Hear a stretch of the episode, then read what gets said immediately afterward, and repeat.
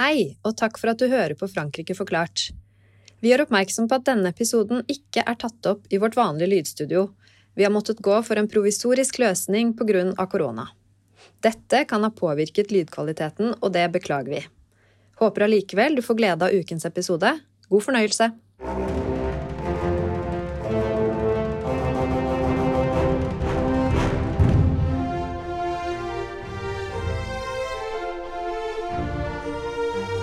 Velkommen til Frankrike forklart, en podkast der du får svar på alt du lurer på om Frankrike. Mitt navn er Kjersti Aukrust. Og jeg heter Frank Urban. I dagens Frankrike forklart skal vi snakke om litteratur. I utgangspunktet var det meningen at vi skulle snakke om en av de viktigste litterære prisene i Frankrike, Le Prix Goncourt, som under normale omstendigheter skulle ha vært delt ut i disse dager. I år er situasjonen litt annerledes pga. l'euroconfinement, Frankrikes lockdown. Hvilke konsekvenser får koronakrisen for denne prisen, forlagsbransjen og litteraturens rolle i Frankrike? Hvorfor har denne litteraturprisen historisk sett vært så viktig? Hvilke franske bøker bør du lese akkurat nå? Og hvorfor tar, det, tar nå mange til orde for at franske bokhandlere bør holde, holdes åpne, selv om resten av landet stenges ned? Med oss for å snakke om dette har vi Geir Ufsløk. Velkommen. Takk skal du ha. Geir er førsteamanuensis i fransk litteratur og områdekunnskap ved Universitetet i Oslo. Han er særlig opptatt av skjæringsfeltet mellom historie og samfunn og litteratur. Kan du først fortelle oss litt om denne Prix Goncourt, som altså skulle under normale omstendigheter ha blitt delt ut i disse dager? Den anses vel for å være den viktigste og mest prestisjetunge litteraturprisen i Frankrike, stemmer ikke det? Det stemmer. Og Kan du først forklare hvem eller hva henviser navnet eh, Goncourt til, og når ble prisen opprettet eh, for første gang? Ja, eh, Navnet viser da til to brødre. Edmond og Jules Goncourt. De var viktige forfattere i Frankrike på 1800-tallet. Og de hang sammen hele tiden. Og de skrev også sammen. De skrev både sakprosa og romaner. Flere romaner som ble regnet som forløpere til naturalismen. Og ikke minst så skrev de en dagbok sammen som man fremdeles leser i dag. Og der snakket de om det litterære livet i Frankrike på 1800-tallet. De var veldig kritiske og sarkastiske i tonen ofte. Og grunnen til at denne prisen eksisterer, det var fordi disse to brødrene de var veldig kritiske til det franske akademiet. Eh, som de mente ikke var litterært nok. Det var altfor politisk motivert. Så de ville opprette et eget litterært akademi, eh, som da skulle bli hetende Goncourt-akademiet. De fikk ikke gjort det mens de levde, men eh, den siste overlevende broren, Edmond, da han døde på slutten av 1800-tallet, så testamenterte han hele formuen sin til opprettelsen av et akademi, et litterært akademi, som skulle dele ut en litterær pris. Akademiet ble oppretta i 1902, og prisen ble delt ut for første gang i 1903. Det finnes også mange andre priser, litteraturpriser liksom ikke. Prix Renaudot, Prix Femina, Prix Medicis, bare for å nevne noen. Eh, hvilke er de viktigste blant disse? Eh, hva gir de uttrykk for? Og hvorfor har Frankrike så utrolig mange litteraturpriser? Sier det noe, tror du, om litteraturens status i Frankrike? Eh, ja, det gjør den nok. Altså, det, er veld, det, er sant at det er veldig mange litterære priser uh, i Frankrike. Uh, det er faktisk rundt 2000 litterære priser. Hvis man da ser på det lokale nivået. Nasjonalt så er det rundt 200. og de prisene du nevnte, Frank, Renaudot, Femina, de er virkelig blant de viktigste. Femina, og Det som er interessant, er at begge ble opprettet som en slags reaksjon på Goncourt-prisen. Eh, Feminarprisen ble opprettet av kvinnelige eh, forfattere i 1904. Eh, fordi de mente at Goncourt-akademiet var misogyn, altså kvinnehatende. De hadde gitt prisen til en litt omstridt forfatter. Hvis det er så mange priser, så må det bety at franskmenn leser veldig mye. Er franske franskmenn et veldig lesende folkeslag? Det kommer sikkert an på hvilke franskmenn du spør, eh, men det er i hvert fall litteraturen står veldig sterkt i Frankrike. Og det kommer ut veldig mange bøker hvert år. Og det er nok også en av grunnene til at du har disse prisene. For det, eh, det man kaller la rentrée littéraire i, i, Frankrike, som vi kanskje kan oversette med bokhøsten, eh, som da skjer hver høst, da kommer det ut flere hundre romaner, både franske og oversatte.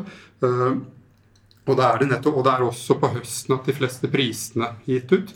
Eh, og det er en veldig fin anledning for forfatterne til å liksom klare å utmerke seg litt. Når man legger ekstra merke til det med alt dette, dette havet av bøker som kommer ut nesten samtidig. Mm. Et lite parentes eh, når det gjelder den ene prisen Frank eh, nevnte, Medicis. Er det ikke slik at i år så har en nordmann fått den? Har dere fått med dere det? Ja, det er sant. Den gikk faktisk til Knausgård i år. For eh, Min kamp eh, bind 6, tror jeg. Ja, ja mhm. stemmer. Så det var ikke han som vant hovedprisen, selvsagt. Den går jo til en franskmann, men det var for uh, essay-kategorien. ja, riktig. Mm. Men det du, det du, forteller, egentlig, det er jo en, det er en omfattende produksjon. Det må ha betydning for eh, boksalget, det totale boksalget i Frankrike. Hvor, hvor stor er boksektoren i landet? Man regner med at hvis man vinner Goncourt-prisen, så selger man minst 300 000 eksemplarer. Eh, så det er selvfølgelig veldig viktig økonomisk både for forlag og for forfatter.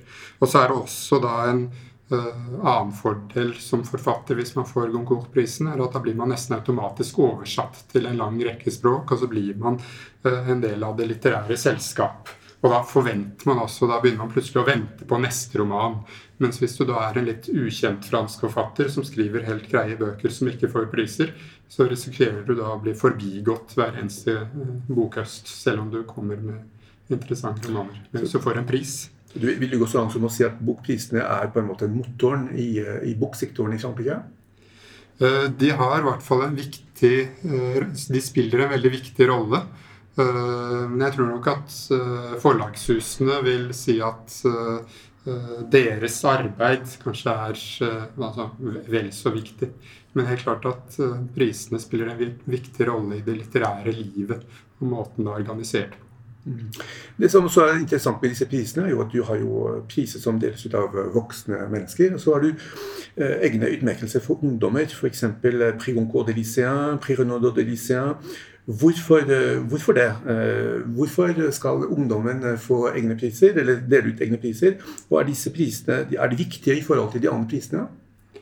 Eh, ja, hvis vi ser på Prix Goncourt de Lycien, så anses det for å være en veldig viktig pris. To av mine favorittbøker fra de siste årene som er oversatt til norsk, 'Lille land' av Geil Fey og 'Kunsten å miste' av Alice Zeniter, de har begge fått Prix Goncourt de Lycien.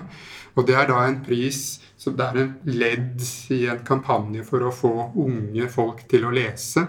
og det som skjer, er at det er Utdanningsdepartementet, som i samarbeid med FNAC, altså denne multimediekjeden, eh, som også er bokhandel, eh, de organiserer denne Prigoncourt de Lycée.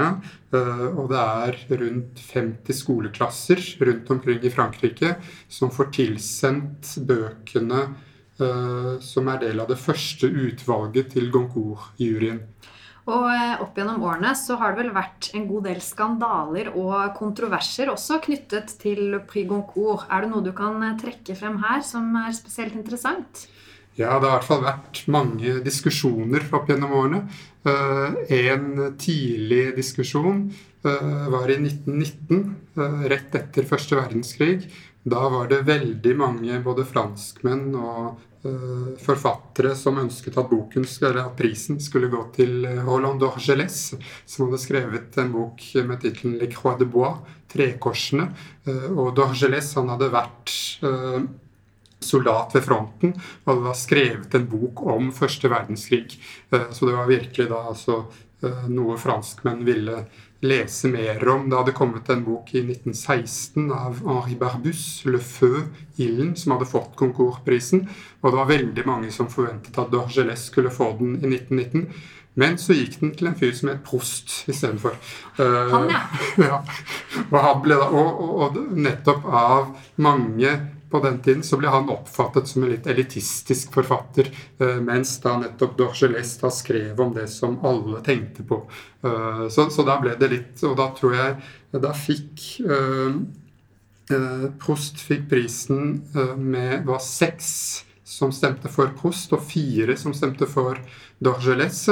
Uh, og det, det, var da skandalen skjedde, for da tok forleggeren til Dorgeles Han uh, ga ut nyutgivelser av boka, og på omslag så skrev han da Goncourt-prisen med store bokstaver og med veldig små bokstaver fire av ti stemmer. Så det, og da ble selvfølgelig da forlaget De Prost ble veldig misfornøyd med det. Eh, så det var litt første lille skandale. Eh, neste Goncourt-skandale det er noen år senere. Eh, da, og da er det nettopp en som fikk prisen, som det er veldig få som kjenner til i dag.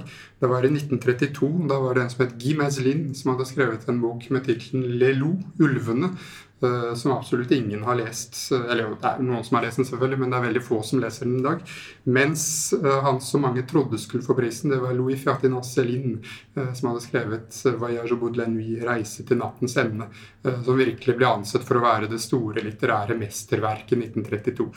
Og selv om årets Prix Goncourt eh, ikke går av stabelen som normalt, som vi har vært inne på, så har det jo allikevel vært en nominasjonsprosess. Og hva kan du fortelle oss om årets nominerte? Er det noen som er spesielt verdt å eh, legge merke til? Det er jo da en prosess i flere omganger hvor de først har et litt stort utvalg. Jeg tror det er på 16 forfattere, og så går de ned til 8, og så går de ned til 4. Og det var der de var kommet eh, da Frankrike ble nedstengt. Og da uttalte Goncourt-akademiet at så lenge bokhandlene er stengt, så vil ikke de dele ut prisen. Uh, I solidaritet. Ja, ja, i solidaritet. Uh, og, uh, men blant de da fire som er igjen, så er det ett relativt kjent navn. Det er en forfatter som heter Hervé Letellier, Eh, som er leder for en litterær gruppe som heter Olipo. Ouvroir pour une litterature potentiell. Uh, og en annen forfatter som jeg ikke har lest, men som er veldig, virker spennende, er en forfatter fra Kamerun som heter Jaili Amadou Amal. Som har skrevet en roman med tittelen 'Les Impatientes', De utålmodige, som handler om tvangsekteskap og vold i ekteskapet i Kamerun. Eh, og så er det også to eh, litt yngre, ikke veldig kjente menn som er nominert. En som heter Mail Renoir, eh, som har skrevet en bok om, Marokkos samtidshistorie. Og en som heter Camille de Toledo, som har skrevet en mer personlig roman om en mann som sliter med å takle brorens selvmord. Så det er da de fire finalistene. Eh, og så er det da, blir veldig spennende å se hvem som vinner, for den som vinner, kommer da selvfølgelig til å få mye oppmerksomhet uh, selge uh, bøker når bokhandlene åpner igjen. Kan du si litt om hvilke konsekvenser koronakrisen har fått for forlagsbransjen i Frankrike? Og for litteraturens rolle generelt. Du har f.eks. en debatt om hvorvidt man skal stenge bokhandlere eller ikke. Hvor disse store Eh, kjedene som Carrefour kan få lov å selge bøker, men ikke bokhandlere. Og det, og det, oppleves som urettferdig. Det som var interessant å se, var at den franske bokhøsten den var eh, så å si like stor i høst som den alltid har vært. Så folk skriver fremdeles, eh, og forlagene gir ut bøker. Men den største konsekvensen er nok nettopp, som du sier, at små bokhandlere sliter. Og mens da uh, store kjøpesentre, uh, de, hvis de kan selge bøker, uh, så vil jo de selvfølgelig da tjene på det. Og særlig store nettgiganter som Amazon tjener veldig godt på dette. det, har, det, er, det, er, mange franske politikere som har uttalt seg kritisk om det. Det som er veldig spesielt i Frankrike, er at det er så veldig mange små, særlig i Paris, mange små spesialiserte bokhandlere. Som da har veldig mange interessante bøker, men som ofte da ikke er på nett, og som er virkelig avhengig av de folkene som kommer og tusler rundt i bokhandelen for å finne seg en god bok. Mm. Det, som, det som jeg syns har vært interessant med den debatten, er at man har hatt et man, eh, man har, det har vært en, eh, en, strid om hvordan man definerer nødvendige eller essensielle varer. Necessaire eller essensiell. Og at mange franskmenn mener at det å lese, det er nødvendig. Det er essensielt. da. Og det syns jeg er veldig interessant. At, og det tror jeg sier ganske mye om litteratur, litteraturens eh, plass i Frankrike. Ja, absolutt. Og jeg tror nok, Man må nok også si der at eh, den franske regjeringen har vært uheldig med ordvalget når de begynte å snakke om essensielle og ikke-essensielle varer. For da risikerer du jo ganske lett å uh, sjokkere noen. Uh, og selvfølgelig det er mange som har argumentert for at uh, bøker er essensiell vare, særlig nå som da altså Frankrike har vært offer for en ny terroristbølge.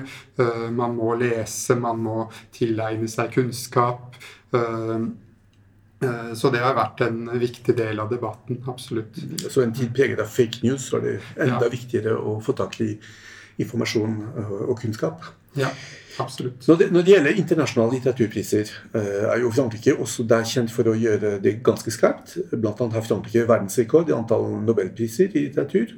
15 stykker, hvis ikke jeg tar feil. Noen du vil trekke frem her? Ja, eh, det er flere gode franske forfattere som har fått eh, nobelprisen. Eh, jeg vil trekke fram to stykker. Den første er en forfatter som mange nordmenn nok kjenner godt til. Albert Camus. Som også Han er særlig kjent for romanene 'Den fremmede' og 'Pesten og fallet'. Og i vår så var det mange også i Norge, og særlig i Frankrike, men også i Norge. Det kom ut en ny oversettelse i Norge i vår som leste 'Pesten' av Albert Camus. Som, altså det er en uh, ofte tolkes som en allegorisk fortelling. Det er en by i Algerie som blir rammet av pest, og den pesten leses ofte som en allegorisk fremstilling av nazismen eller totalitære regimer. Mens akkurat i vår så ble den jo da så lest litt mer bokstavelig. For Camus eh, hadde gjort ganske nitidige undersøkelser for å lære litt om hvordan pesten fungerte før han skrev romanen. Eh, og så kan vi også si da at nobeltalen til Camus eh, er en helt som man kan finne på Nobelstiftelsens nettsider. Det er en helt uh, fantastisk tekst uh, om litteraturens rolle i samfunnet. En annen tekst som man bl.a. leste etter mordet på Samuel Paty, mm. historielæreren som ble drept i Frankrike, var brevet han skrev til læreren sin da han fikk nobelprisen. Mm. mm. Og da Grenier het læreren, og han hadde vært en veldig viktig person for Camus, eh, som da kom fra fattige kår. Eh, så eh, jo, så han gjorde ære på sin lærer i forbindelse med nobelprisen. Så Camus er da et viktig navn. Og så har jeg en liten favoritt innen fransk litteratur som fikk nobelprisen i 2014. Og det er en forfatter som heter Patrick Modiano, som skriver mye om andre verdenskrig, og om forskjellige hendelser i Frankrike på 1960-tallet. Han har en litt, sånn, veldig, litt spesiell skrivestil som gjør at han virker som en litt enkel forfatter. Uh, og han skriver veldig uh, enkle og dagligdagse historier. Men når man graver litt dypere, så finner man plutselig veldig mye interessant. Og så har han skrevet en, biograf, en slags biografi som ble oversatt til norsk i fjor, var det vel som heter Dora Bruder, om ei jødisk jente som ble drept i Auschwitz. Mm. Hvor han da forteller hennes historie og trekker henne frem fra den anonyme tilværelsen hun hadde hatt før. Innledningsvis så snakket vi om hvilken rolle litteratur spiller i dagens Frankrike, som jo, som alle vet, bl.a. er preget av koronakrisen og økt terrorfare. Hva tror du er svaret på det spørsmålet? Det som eh, er interessant med litteraturen, er jo at, eh, som Frank sa, at den, gir en annen måte å tenke på. Eh, man ser verden på en annen måte. Det er ikke en, Den oppfordrer ikke til sånn korttenkt menings... altså veldig absolutte meningsbrytninger, men mer at man må reflektere og prøve å forstå hverandre, tror jeg.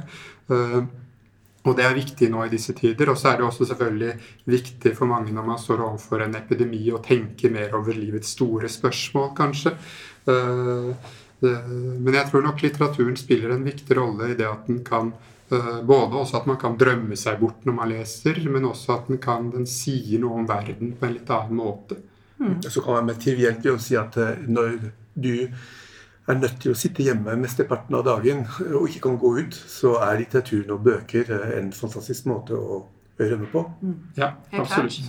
Og apropos det, mange av våre lyttere er jo interessert i fransk litteratur og har lyst til å lese flere franske, kanskje særlig samtidsforfattere. Både på originalspråket eller i norsk oversettelse. Men fransk litteratur, og, og samtidslitteratur spesielt, er jo et veldig stort felt som det kan være vanskelig å få oversikt over. Har du noen tips til våre lyttere til hvor man kan begynne? Hvis man er eh, interessert i samfunnskritikk f.eks., så kan man lese en trilogi skrevet av Virginie Despins som heter 'Vernon Subutex'. Den er uh, fantastisk godt oversatt til norsk av Gjører Eldøen, som fikk Bastian-prisen uh, faktisk for den. En av mine personlige favoritter innenfor fransk samtidslitteratur nå. Den er også blitt oversatt til norsk. Det var en roman som fikk Goncourt-prisen for to år siden, som er skrevet av Nicolas Mathieu, og på norsk så heter den 'Og slik er det også med deres barn'. Den er oversatt av Henning Solberg. Og det er en oppvekstskildring fra Frankrike fra 90-tallet. Uh, men den er veldig interessant i våre dager, for den sier litt om hvordan det er å vokse opp i utkantstrøk i Frankrike.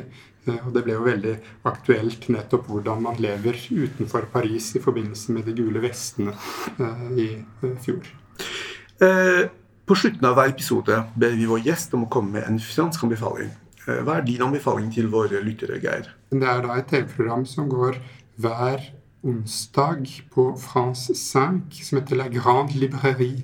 Eh, som er et eh, slags diskusjonsprogram der man inviterer aktuelle forfattere.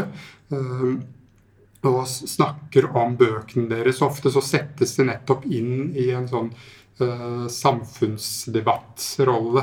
Man spør hvorfor er det interessant å snakke om akkurat dette temaet. Eh, og den eh, går også i eh, da, reprise på TV5 Monde, som en del nordmenn har tilgang til. Kjerstin, har du også en liten anbefaling? Ja, det har jeg. Og i dag så vil jeg tillate meg å anbefale en bok som vår gjest Geir og jeg har vært med på å skrive sammen med vår kollega Trude Kolderup fra NTNU. Og den heter 'Nytten og gleden fransk litteratur gjennom 1000 år'. Den kom ut i fjor, og den gjenforteller rett og slett fransk litteraturhistorie fra middelalderen til i dag. Så hvis du er interessert i fransk litteratur, og ikke minst i den rollen litteraturen har spilt i fransk historie, så håper vi at denne boken kan være av interesse. Veldig bra. Men da gjenstår det bare å takke vår gjest Geir Søk. Så høres vi igjen i neste episode av Frankrike forklart. Au revoir. Denne podkasten er et samarbeid mellom Universitetet i Oslo og Høgskolen i Østfold. Abonner på Frankrike forklart på iTunes, Spotify eller på andre plattformer der du lytter til podkast. Har du kommentarer til oss eller forslag til temaer vi bør ta opp, kan du sende inn det via vår Facebook-side Frankrike forklart. Her vil du også finne informasjon om dagens episode.